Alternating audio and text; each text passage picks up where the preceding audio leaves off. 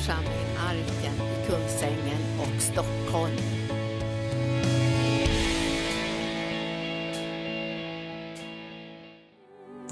Och vi ber om någonting efter hans vilja så hör han oss.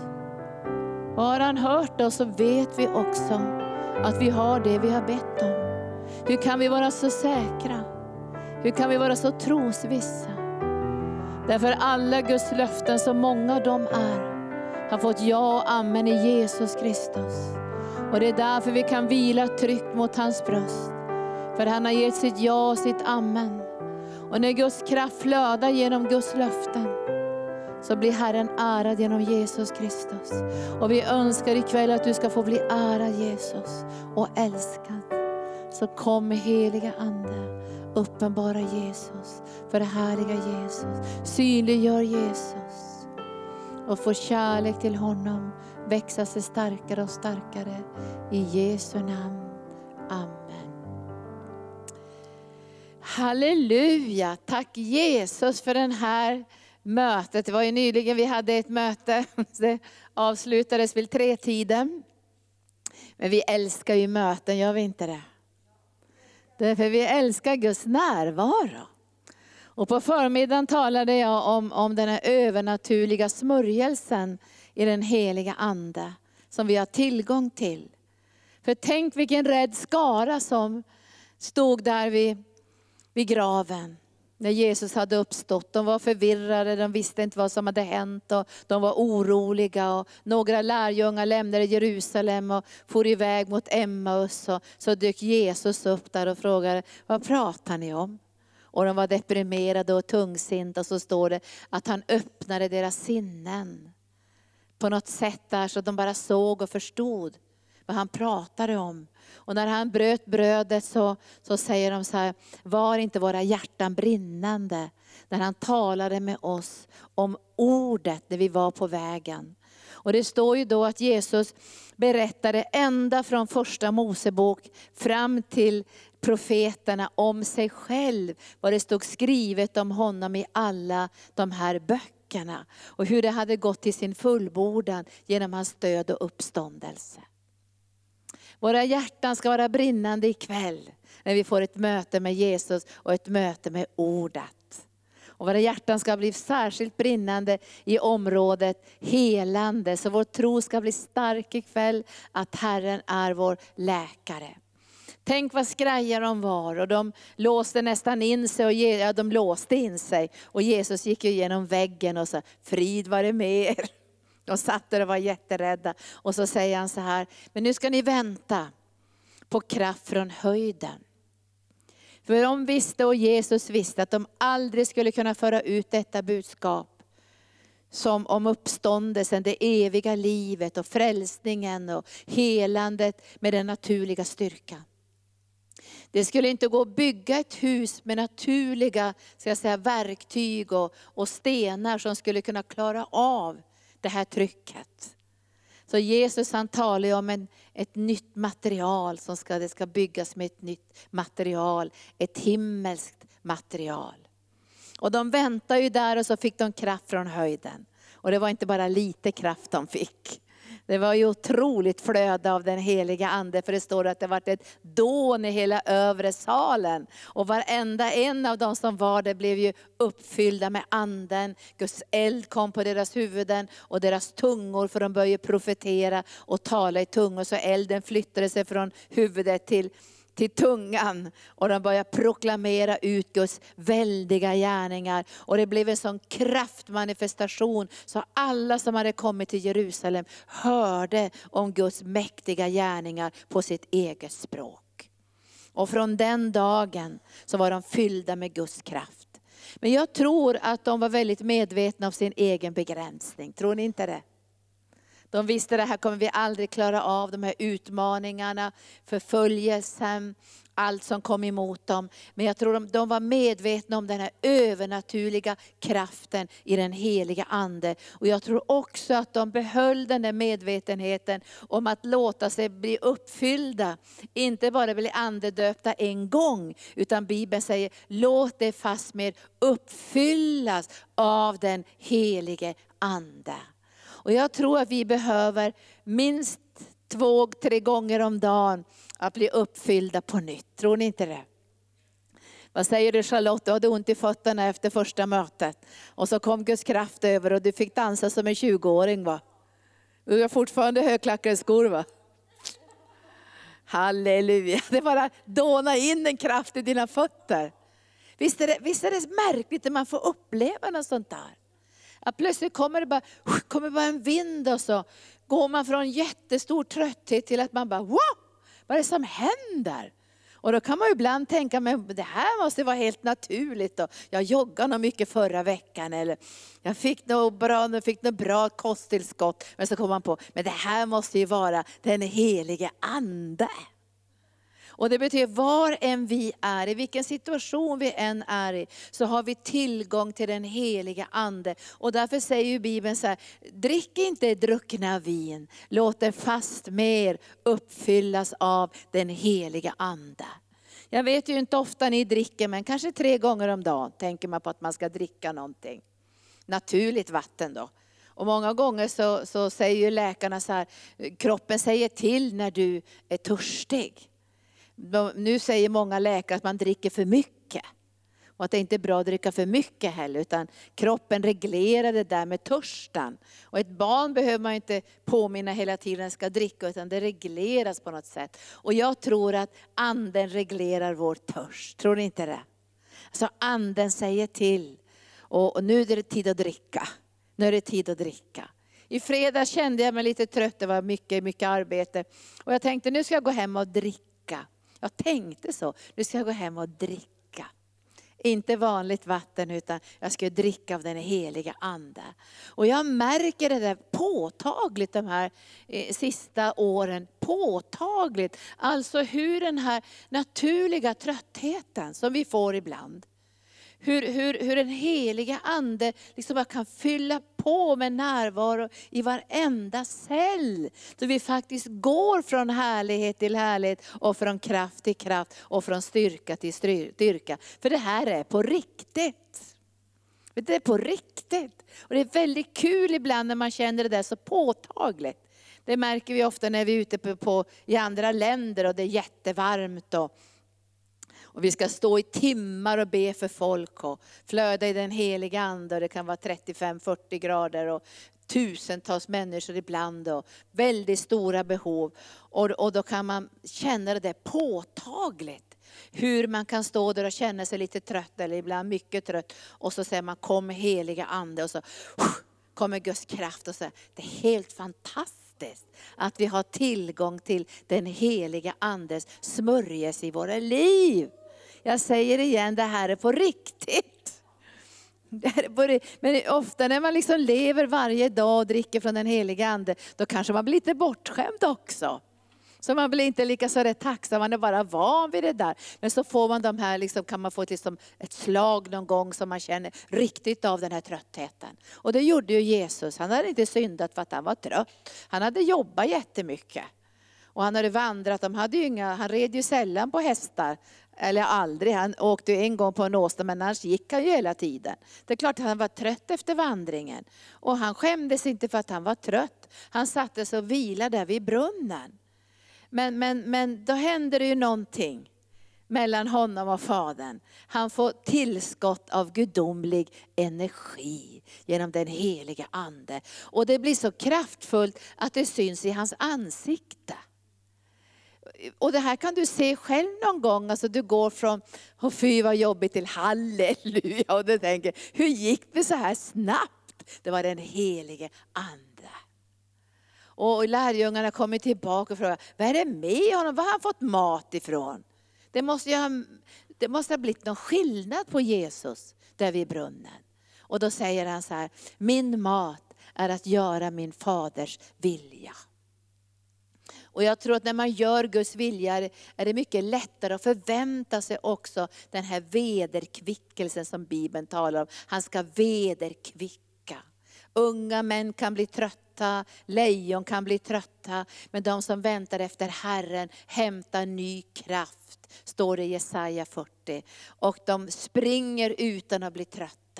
Och de får nya vingfjädrar som örnarna. Tack underbara Fader för den heliga Ande. Och därför är det så jätteviktigt att, vi, att ni kommer ihåg, vilket vi inte alltid gör, att lägga våra kroppar på altarplatsen varje dag. Varje dag. Att påminna sig om, det räcker inte med bra mat, det räcker inte med kosttillskott, det räcker inte med motion. Det räcker inte. Utan vi måste få den heliga Andes smörjelse. En del av oss har naturlig hälsa och naturlig styrka och då kanske man inte märker lika fort som de som kanske inte har naturlig styrka och naturlig kraft. Så märker de här som har väldigt svaga själar och, och lite styrka och kanske svaghet i kroppen. De, de kanske känner av det här att de är än mer beroende av den heliga Ande än andra. Men förr eller senare kommer vi till en plats att vi blir beroende av den heliga Ande. Att vi bara, tack heliga Ande, för i den smörjelsen finns det läkedom. Så när vi bär vår kropp och lägger den på altarplatsen, Romarbrevet kapitel 12, då erkänner vi att vår kropp är ett tempel åt den heliga Ande. Och Bibeln säger att vi äger inte oss själva, vi äger inte våra egna kroppar. De är köpta med blod och de tillhör Gud. Det är väl för väl att våra kroppar tillhör Gud. Då vet ju vi att om vår kropp tillhör Gud så bryr han sig om vår kropp. Och när vi proklamerar ut min kropp är ett tempel åt den heliga Ande, då säger jag någonting både till andevärlden, till mig själv och till Gud med förväntan att få förnyelse och styrka och läkedom in i min kropp.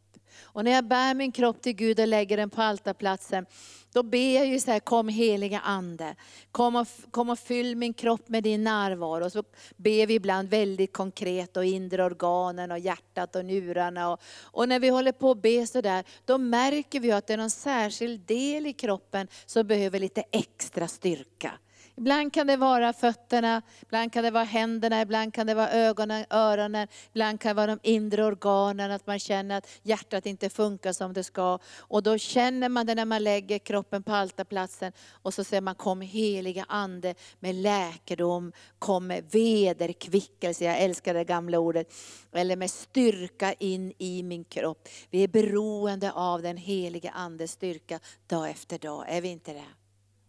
Så vi är så otroligt tacksamma att vi får bära fram våra kroppar. Och då får vi en andlig beröring från den heliga Ande. Om du gör yoga eller senmeditation eller kommer i kontakt med andra så att säga, andliga så här, våglängder, så får du kontakt med det andliga, men det är inte Guds ande.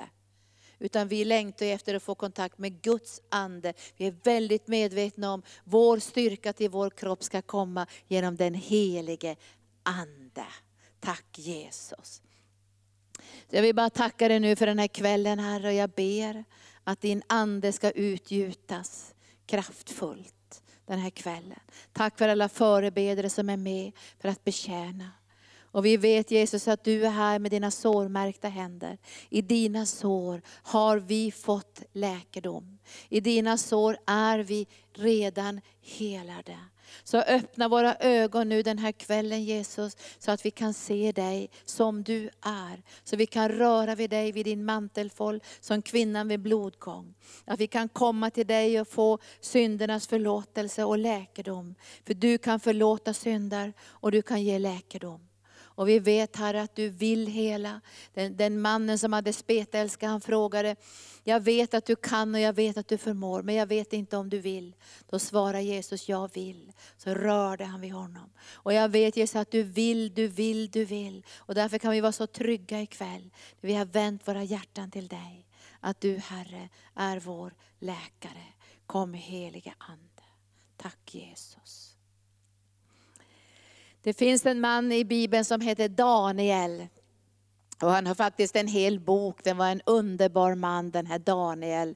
Han blev ju tagen som slav kan man säga till Babel. Och hans bröder också. Och man försökte så förändra dem och få dem att bli okulta. För man ville ju använda dem då i, i, i, i kungens hov. Så man gav dem nya namn, man gav dem okulta namn så, så att de inte längre fick behålla sina namn.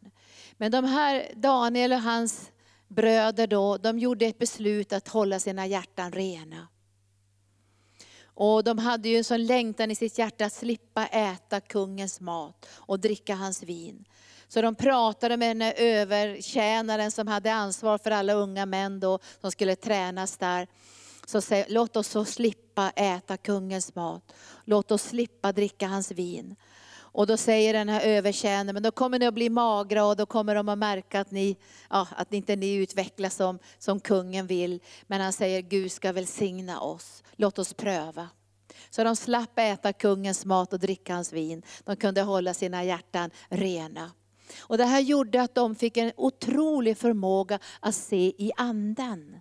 Alltså de kunde tyda drömmar, de fick en smörjelse att förstå profetiska skeenden. Därför att de vägrade att smutsa ner sig. Och det, till, när man läser Daniels bok så ser man också att de gjorde sådana här distinkta beslut i sitt hjärta. Att de inte skulle böja sig för någonting orent.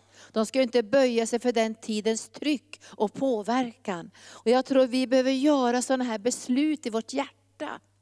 Att vi tänker inte böja oss för det tryck som finns i världen. Och det står i Romarbrevet kapitel 12, anpassa er inte efter det som finns i världen, utan förnyas genom sinnes förnyelse så ni kan pröva vad som är gott och välbehagligt och fullkomligt. Alltså vi ska kunna göra en andlig prövning. Och de här bröderna, de kallar de och bröderna för Sadrak, Mes och Abednego, men det hette de ju inte, det var mer okulta namn. Men de här killarna hade gjort ett beslut i sitt hjärta, vi ska inte böja oss för något mörker. Och så kom den där utmaningen då, när man skulle böja sig för den guldstatyn och man, alla skulle böja sig och alla skulle erkänna att det här var en Gud. Men de bara vägrade. Och kungen sa till dem, ni kan väl böja er även om ni inte böjer era hjärtan, kan ni väl böja er ändå? Men de sa nej, vi böjer oss inte. Och han blev så otroligt vred. Så att han tände en, en ugn på högsta värme och så kastade han in Daniels bröder i den här ugnen. Men så händer det något märkligt. Jag läste i Daniels bok, när de går där i ugnen, de går i ugnen, kan man gå i ugnen? Jag tror inte att det går så bra att gå i en ugn. Men de tittade in i ugnen så såg de att det var en människoson som gick där. Så jag sa, var det inte tre vi kastade in? Jag tycker jag ser en fjärde, en människoson. Och jag tror att Herren håller på att lägga ett mod i kristenhetens hjärta. Att hålla fast vid Jesus som Herren läkare. Jag tror att det går liksom en, en, en sån här tryck av ett beslut i våra hjärtan. Och vi behöver göra det här djupa beslutet, Herren är vår läkare. Det här betyder inte att vi inte får gå till doktorn och med naturlig doktor eller att vi inte får ta någon medicin och med. Det handlar inte om det, utan det är ett inre djupt beslut som vi tar. Herren är vår läkare. Kommer ni ihåg när, när ni blev frälsta? En del av er blev radikalt frälsta.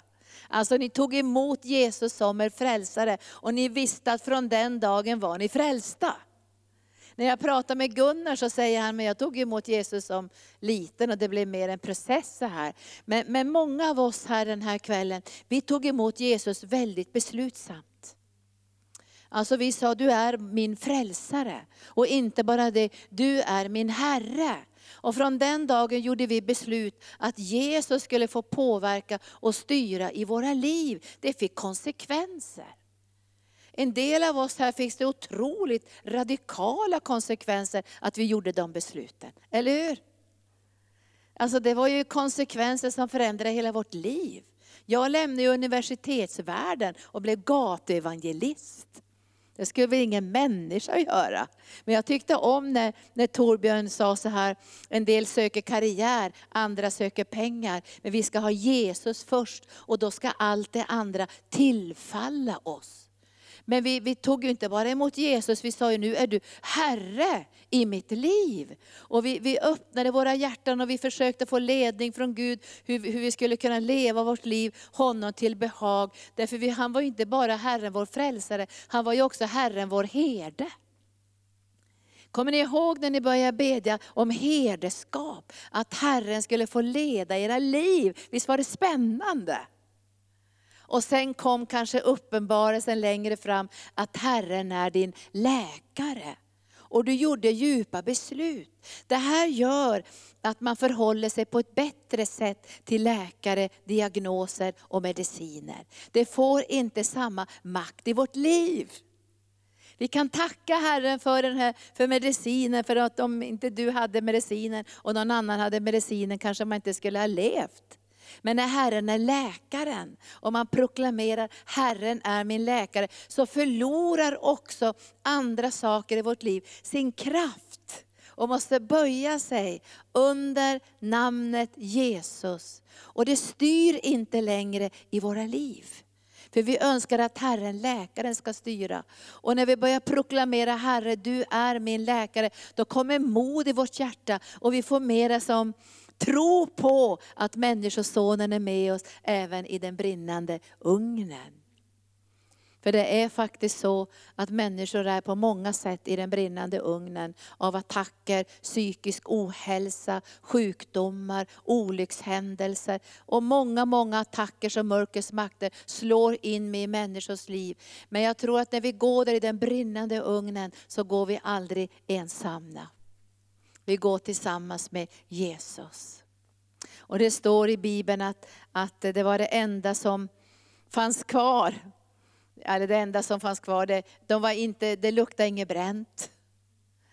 När de kommer ut i ugnen så luktar det inte bränt. Och jag har tänkt ibland så här, när vi går igenom prövningar så kan vi lukta bränt ibland. Man går ur prövningen men det luktar lite bränt. Jag tror att när Människosonen är med oss kan vi gå igenom vilken prövning som helst utan att lukta bränt. Men vi måste göra de här djupa besluten. Herren är min läkare. Jag tar emot Herren som min läkare. Jag tror att det är nästan samma djupa beslut som vi gör när vi tog emot Jesus som vår frälsare. Herren är min läkare. Och när vi tar emot Jesus som vår läkare så kommer alla de här löftena som han har gett i skriften att bli mera levande. Alltså det blir lättare för Gud att tala in i vårt liv. Därför helande kan inte grundas på att vi kan tre, fyra, fem bibelställen. Utan det måste grundas i att vi har fått förståelse av att det är Herren som är läkaren. Då kommer varje löftesord som uttrycks genom skriften landa i själva kärleksrelationen. Och det gör att mycket fruktan försvinner ifrån vårt liv. Är det inte så? Herren är vår läkare. Daniel, han, jag ska inte predika Daniels bok ikväll så mycket, men jag såg hur Daniel hur han kunde se. Och vid ett tillfälle så stod det så här, att han såg en liten sten komma från himlen. Som krossade mörkrets rike. Och den stenen uppfyllde hela jorden. Och så står det Daniels, stod så här i Daniels bok, och han såg liksom en människoson komma på himmelens skyar. Det här är Daniels bok. Den lilla stenen som uppfyller hela jorden. Och vi ska börja läsa ikväll, ska vi läsa ifrån vi ska läsa ifrån första Petrus brev och så ska vi se på en sten som byggmästarna de fattade inte vad de skulle göra med den här stenen. De höll på att bygga ett hus och så, så låg det en sten där som de tänkte, vad ska vi göra med den? Därför Gud håller på att bygga någonting som inte kan byggas med naturliga stenar. Det måste vara övernaturligt, det måste komma ifrån himlen. Och det står i första Petrus brev ifrån det andra kapitlet, så står det så här i versen 4. Kom till honom den levande stenen. Kom till honom den levande stenen, förkastad av människor, men utvald och dyrbar inför Gud. Och låt er själva som levande stenar byggas upp till ett andligt hus, ett heligt prästerskap som ska bära fram andliga offer som Gud tar emot med glädje genom Jesus Kristus. För det står ju i skriften, se jag lägger i Sion Det står faktiskt i Jesaja bok, de här profetorden. Se jag lägger i Sion en utvald och dyrbar hörnsten. Och den som tror på den ska aldrig komma på skam. Jag lägger i Sion en utvald och dyrbar hörnsten. Jesus beskrivs ju som den här hörnstenen. Allting ska riktas efter Jesus. Ni vet när man hade en hörnsten och skulle bygga så satte man dit hörnstenen för att rikta hela bygget. Men Jesus är inte bara hörnstenen, han är riktstenen. Vi riktar hela vårt liv efter Jesus. Men han är också slutstenen. Och det står i Bibeln att vi ska få, vi ska få bära in slutstenen med jubel. Så står det om Serubabel som höll i murlådet. Slutstenen, den fullkomliga hälsan. Jag är övertygad om att Gud vill fullkomlig hälsa. Alltså jag är totalt övertygad, jag borde inte vara det. Jag, jag, tycker det, man ser många saker om människor som inte riktigt blir helade, och människor som dör i förtid, och det händer många saker som skulle kunna slå rakt i en sinne och tänka, det här kan inte, det här kan inte vara Guds vilja att alla ska bli helade. Men vet ni att efter de här 40 åren är jag mera övertygad idag än jag var för 30 år sedan att Jesus vill hela alla. Och han vill inte bara hela 30 procent, eller 10 procent, eller 20 procent, eller 60 procent. Jag tror att han vill ge fullkomlig hälsa. Alltså han talar ju om hundrafaldigt. Hundrafaldigt betyder att vi, att vi blir hundra gånger helade. Det betyder fullkomlighet. Att det har brutit igenom. Att det har liksom kommit till sin fullbordan. Alltså jag tror på det. Jag ser inte det alla gånger. Jag märker inte det. Jag, jag, ser inte det i alla människors liv heller, men jag ser det i anden. För jag ser det i Jesus. Och jag tror att han önskar att det ska fullständigt bryta igenom. Men vi gläder oss för 10 procent, då har det ju börjat. Jag går inte och knotar och säger, åh det blev bara 10 procent, fy vad jobbigt. Halleluja, för är det 10 procent, då vet jag att det är på gång någonting. Då vet jag att det här kommer att gå bra. Men jag vet i mitt hjärta att Gud vill att det ska bli fullkomligt, att det ska bryta igenom. Vet du, jag tror ibland att vi släpper taget om det. Vi nöjer oss. Alltså det är lättare att nöja sig. Och jag vet ju idag finns det mycket terapiformer som heter acceptans. Att man ska bara acceptera. Jag tror vi ska konstatera. Jesus var inte dålig på att konstatera. Han mötte den blinde mannen och la sin hand på honom och sen frågade han, kan du se? Jesus vågar ju ställa frågan. Han, han, han stack inte huvudet i sanden och sa, du är fullständigt helad, halleluja, jag är så smord av Gud. Och det står i Jesaja 61, hej då. Det kunde han ju ha sagt, eller hur? Han, han, han kunde ju ha känt, jag vågar inte fråga. För det hade ju stått, Herrens händers ande över mig, han har sänt mig till att läka de förkrossade hjärtana. Så att han hade lika gärna bara kunnat springa därifrån. Och att vara ute i Indien och Afrika och så här, det är ju jättelätt för då åker vi därifrån.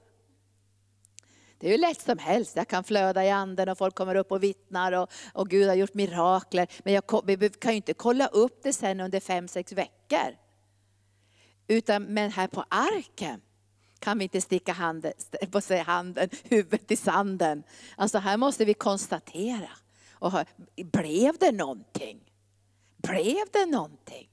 Och så kanske någon säger, nej det bidde ingenting. Då kan vi inte bara gå och deppa, för vi har sett Jesus. Och när Jesus lägger handen på den här blinde mannen så frågar han, blev det någonting? Och då säger den här mannen, så han är inte blind längre, men säger, ja, säger han, det blev ju inte något bra. Tänk att säga det till Jesus.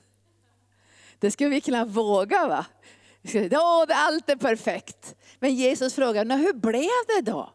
Och så säger mannen så här, ja säger han, jag tycker att jag ser lite bättre men, men människorna är som träd, det är ju dimsyn. Då kunde Jesus ha sagt så här, nu går du hem och är glad. Du har fått lite hälsa, du ska vara tacksam.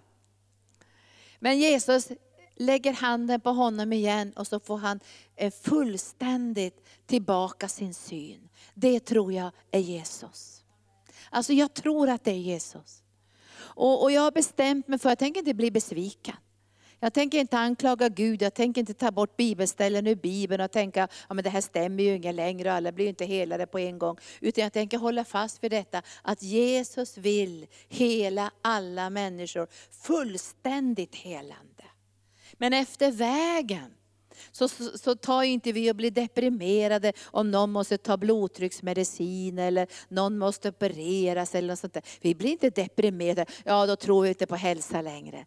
Vi tänker inte så, utan vi vet vem Jesus är och vi håller fast vid detta. Han är Herren vår läkare. Det är många idag som släpper taget tänker, ja men han vill nog inte hela alla. Och det är nog inte Guds vilja att hela någon längre. Och vi måste gå på terapeutisk väg nu. Och vi måste nog söka psykologer istället för att söka Jesus. Ja, men det, jag säger inte emot psykologer, men jag vill bekänna varje dag, Herren är min läkare. Det var han som sammanfogade mig i min moders liv. Det är han som känner mina organ. Det är han som vet hur det ser ut på insidan. Jag vill proklamera varje dag, Herren är min läkare. Jag vill att han ska upp uppehålla mig med sin makt och sin härlighet och sin närvaro. Jag tror att Herren vill ge oss fullkomlig hälsa.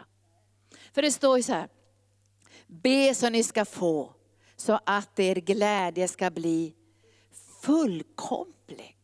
Alltså det verkar som att Gud vill lyfta vår blick så vi inte tappar tron i omständigheterna, i svårigheterna och i attackerna.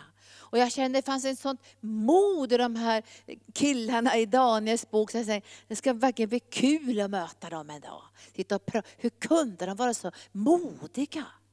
Och, och, Daniel som, som vägrade att kompromissa. Tre gånger om dagen så öppnade han fönstret och bad. De flesta av oss skulle väl stänga fönstret när vi skulle be.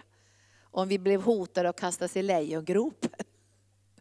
Men han öppnade fönstret och vände sig mot Jerusalem och prisade Gud. Och man hade ingenting att anklaga honom för annat än, han, än att han prisade Gud. Och då kastade de honom i lejongropen. Och kungen han var ju så, han våndade sig, för han tyckte ju väldigt mycket om Daniel. Så här, Den Gud som du så oavlåtligen dyrkar har han räddat dig. Så de måste ju ha märkt allihopa att det var bara var bara en enda väg för Daniel att prisa Herren. Och det gav honom ett sådant mod i sitt hjärta. Vet du, vi kan säga så här, Herren är min läkare med vår mun. Men jag skulle önska att vi ikväll skulle säga det mer med vårt hjärta.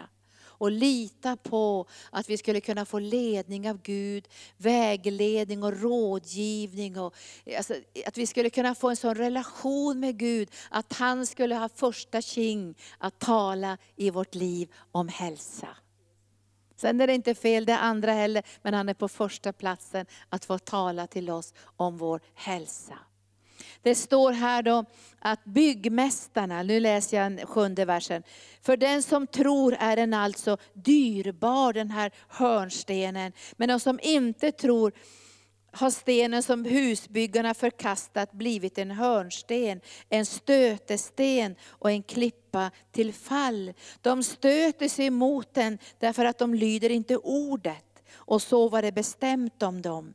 Alltså det, det, det låg en sten som var så vacker så annorlunda, så de tyckte inte att den passade in i det bygge som de skulle bygga. Vet ni att om du skulle gå på vårdcentralen så kanske det ligger en mest fantastisk hörnsten där, men de vet inte hur de ska bygga med den på sjukhuset och äldrevården och rehabiliteringen. Därför den passar inte in i det här naturliga bygget där man bygger bara med världsliga stenar. Men jag tror att den här hörnstenen, den här dyrbara stenen behöver byggas in i den här världen så människor får riktning, vägledning och hjälp i sitt liv. Jesus är den här hörnstenen, byggnadsstenen som, som byggmännen förkastade. Men för oss är den dyrbar och älskad. Herren är vår läkare. Jag ska läsa också två bibelställen till innan vi går in i, i bönen. Och jag ska läsa från apostlagärningarna, hur apostlarna talar om den här hörnstenen Jesus. Apostlagärningarna kapitel 4 så står det om den här vackra stenen Jesus. Var inte rädd om människor stöter sig på den här stenen. De kommer att stöta sig. När du är i vård eller omsorg eller skola eller affärsvärld någon annanstans och så lyfter du upp den här vackraste av vackraste stenar. Och så tänker du, om jag nu berättar hur underbar Jesus är och han har vunnit seger på Golgata kors och han har burit alla sjukdomar, i hans sår är vi helade. Visst skulle du önska att alla bara sa, och vi böjer våra knän. Man kan inte fatta att folk inte skulle vilja ha den här stenen som är så vacker, så dyrbar. Men det finns ett mörker i den här världen som gör att människors ögon förblindas, så de ser inte skenet som utgår ifrån evangelium. Och därför kastar de bort den viktigaste stenen som ska hålla ihop allting. Allt ska hållas ihop av den här stenen som har kommit ifrån himlen. Och vård och omsorg utan Jesus, det blir katastrof. Skola utan Jesus, det blir katastrof. Fångvård utan Jesus blir katastrof. Allting blir katastrof om inte människor får del i den här hörnstenen, riksstenen och som är slutstenen. Och I Apostlagärningarna 4 så pratar ju apostlarna, för de har ju precis botat en man. Och han har blivit mirakulöst helad. Och i kapitel 3 så står ju där att lärjungarna, som Petrus och Johannes är på väg till templet vid bönetimmen. Och så sitter en förlamad man vid porten. Och han har varit lam ända sin födsel. Och jag tycker så starkt de säger, då fäste de blicken på honom och Petrus sa, se på oss.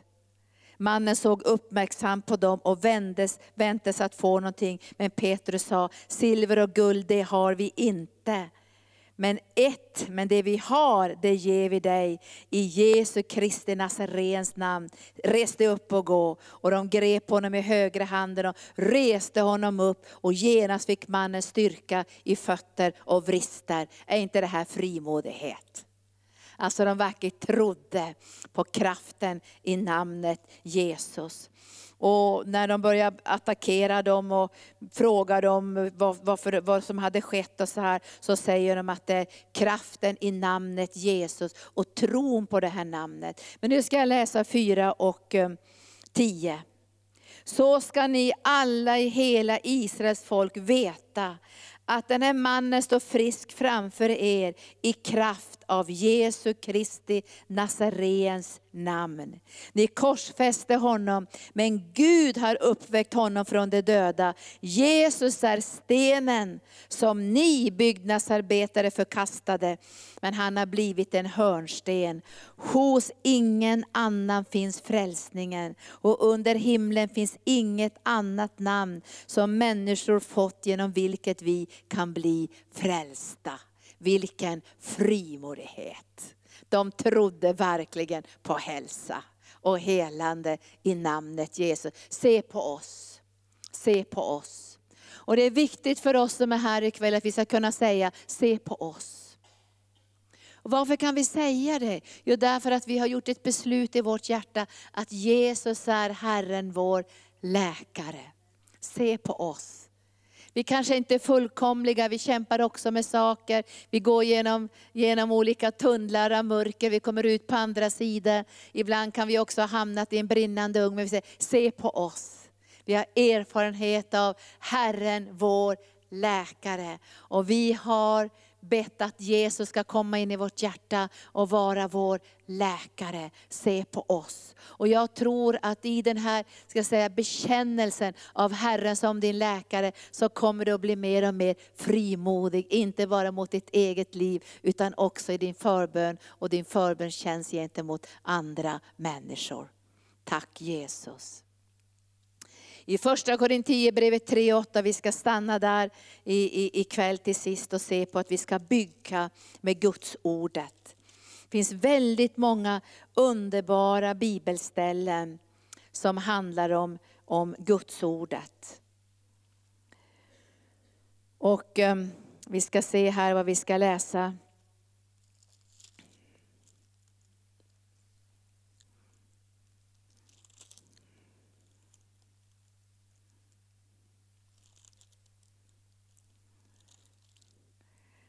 Finns så många härliga bibelställen här, men vi ska läsa ifrån kapitel, kapitel ska vi se vad vi ska läsa.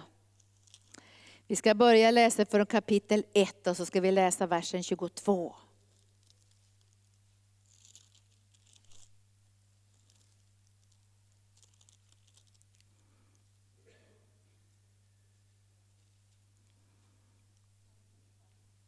Ska börja läsa där och sen ska vi läsa lite vidare.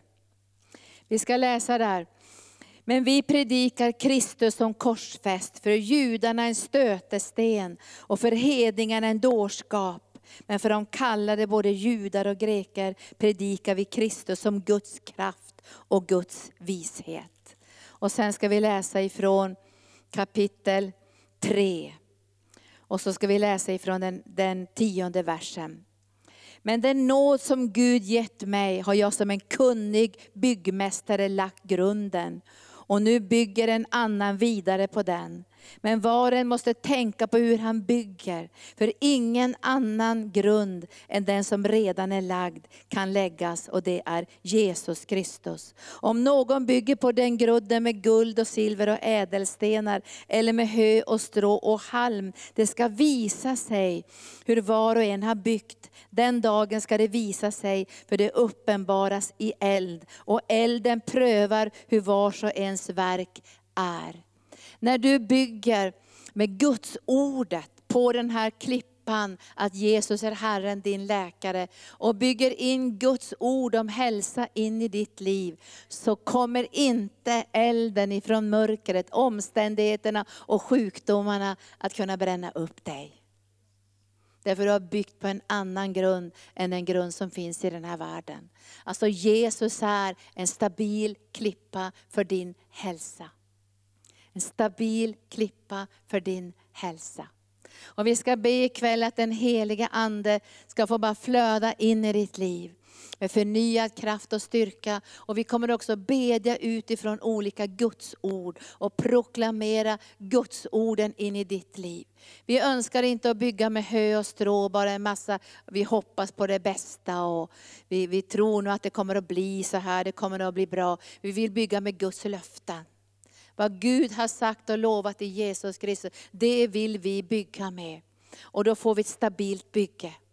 Vi får ett stabilt bygge som stormar och vindar och vattenströmmar inte kan skada och förstöra. För du är ett tempel åt den heliga Ande och Jesus är mån om din hälsa, om din kropp, om ditt psykiska välbefinnande. För Jesus står på din sida. Herren är din läkare. Vi ska be lovsångarna komma upp och sen ska vi börja flöda i den heliga Ande. Och jag tackar dig Herre för att du har lagt grunden. Du är grunden. På uppenbarelsen om ditt namn Jesus ska vi bygga din församling.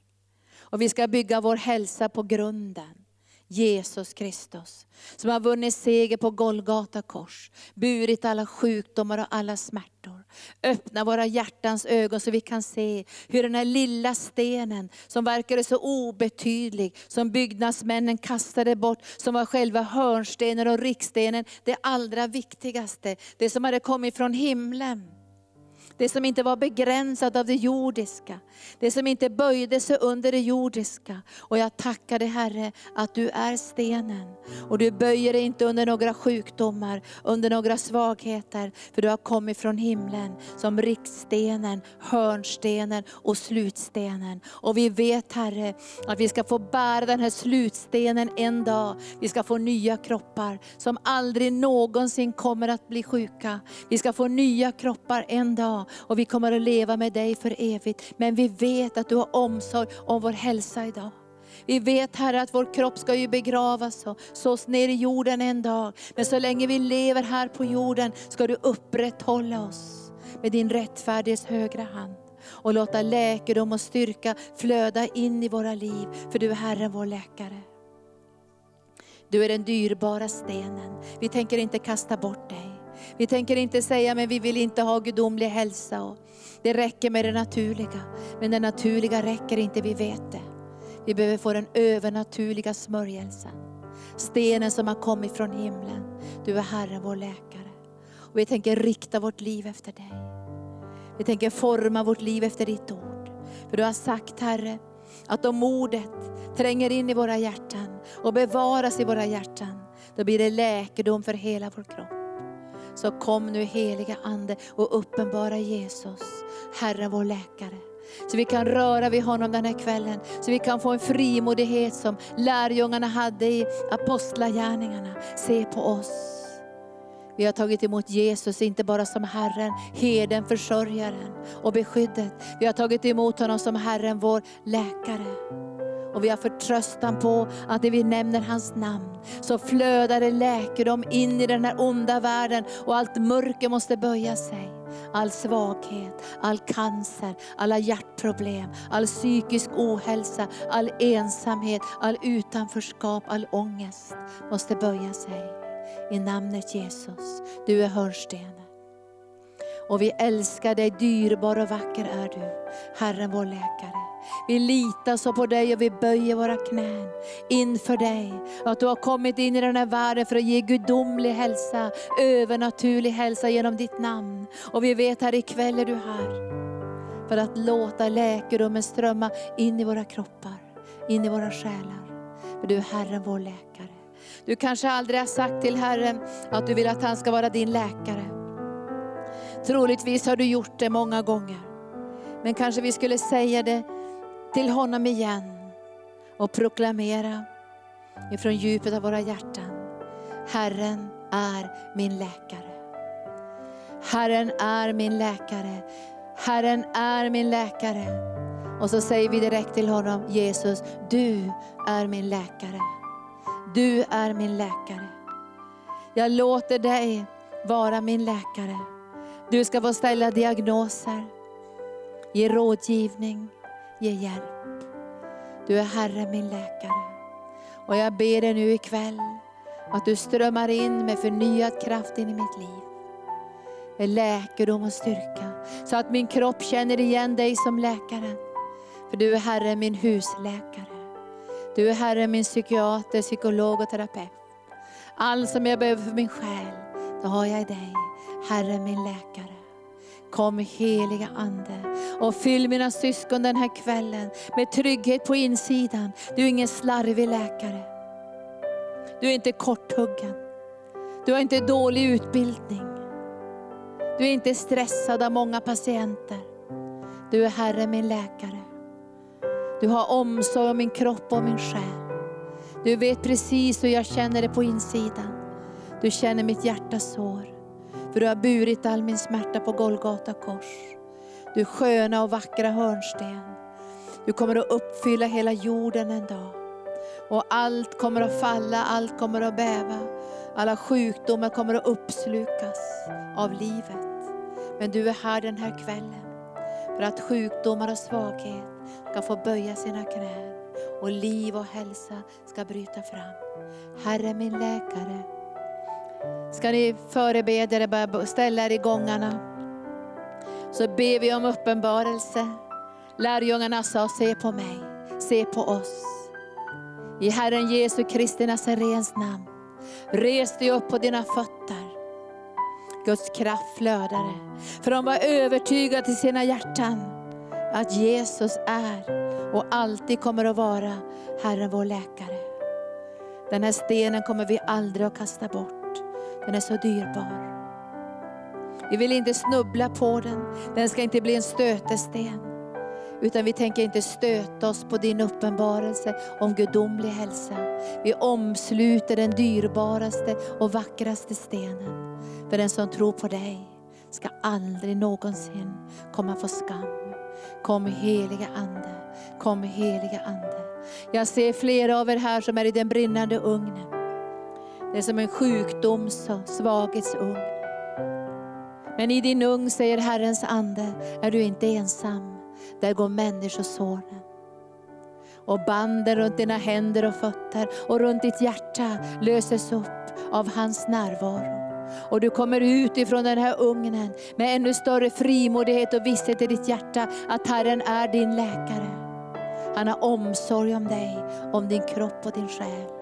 Kom heliga Ande, bara strömma den här kvällen med ljuvlighet och härlighet, med närvaro. Ser ni stenen?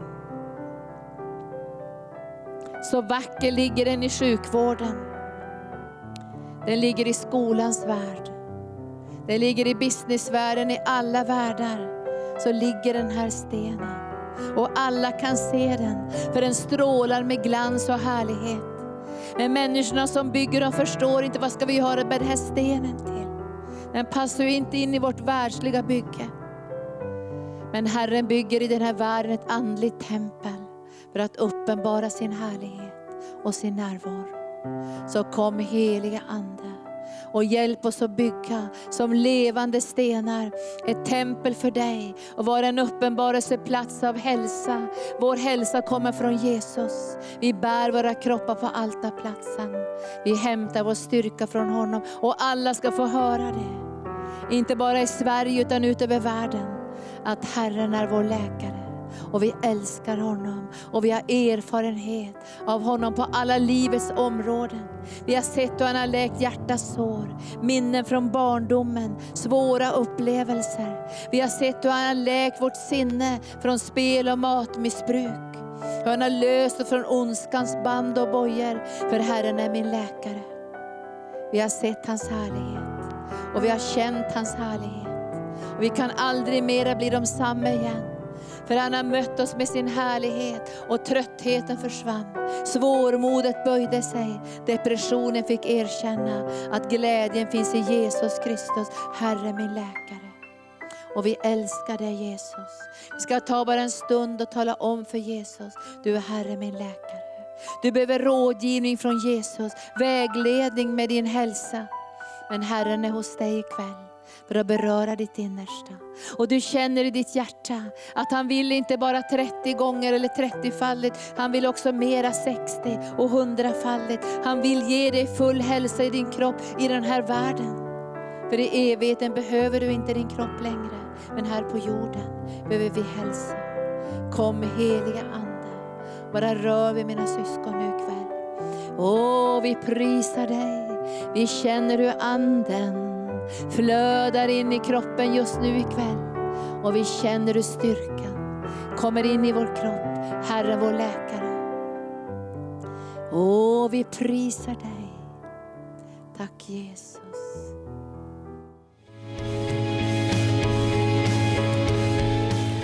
Tack för att du har lyssnat.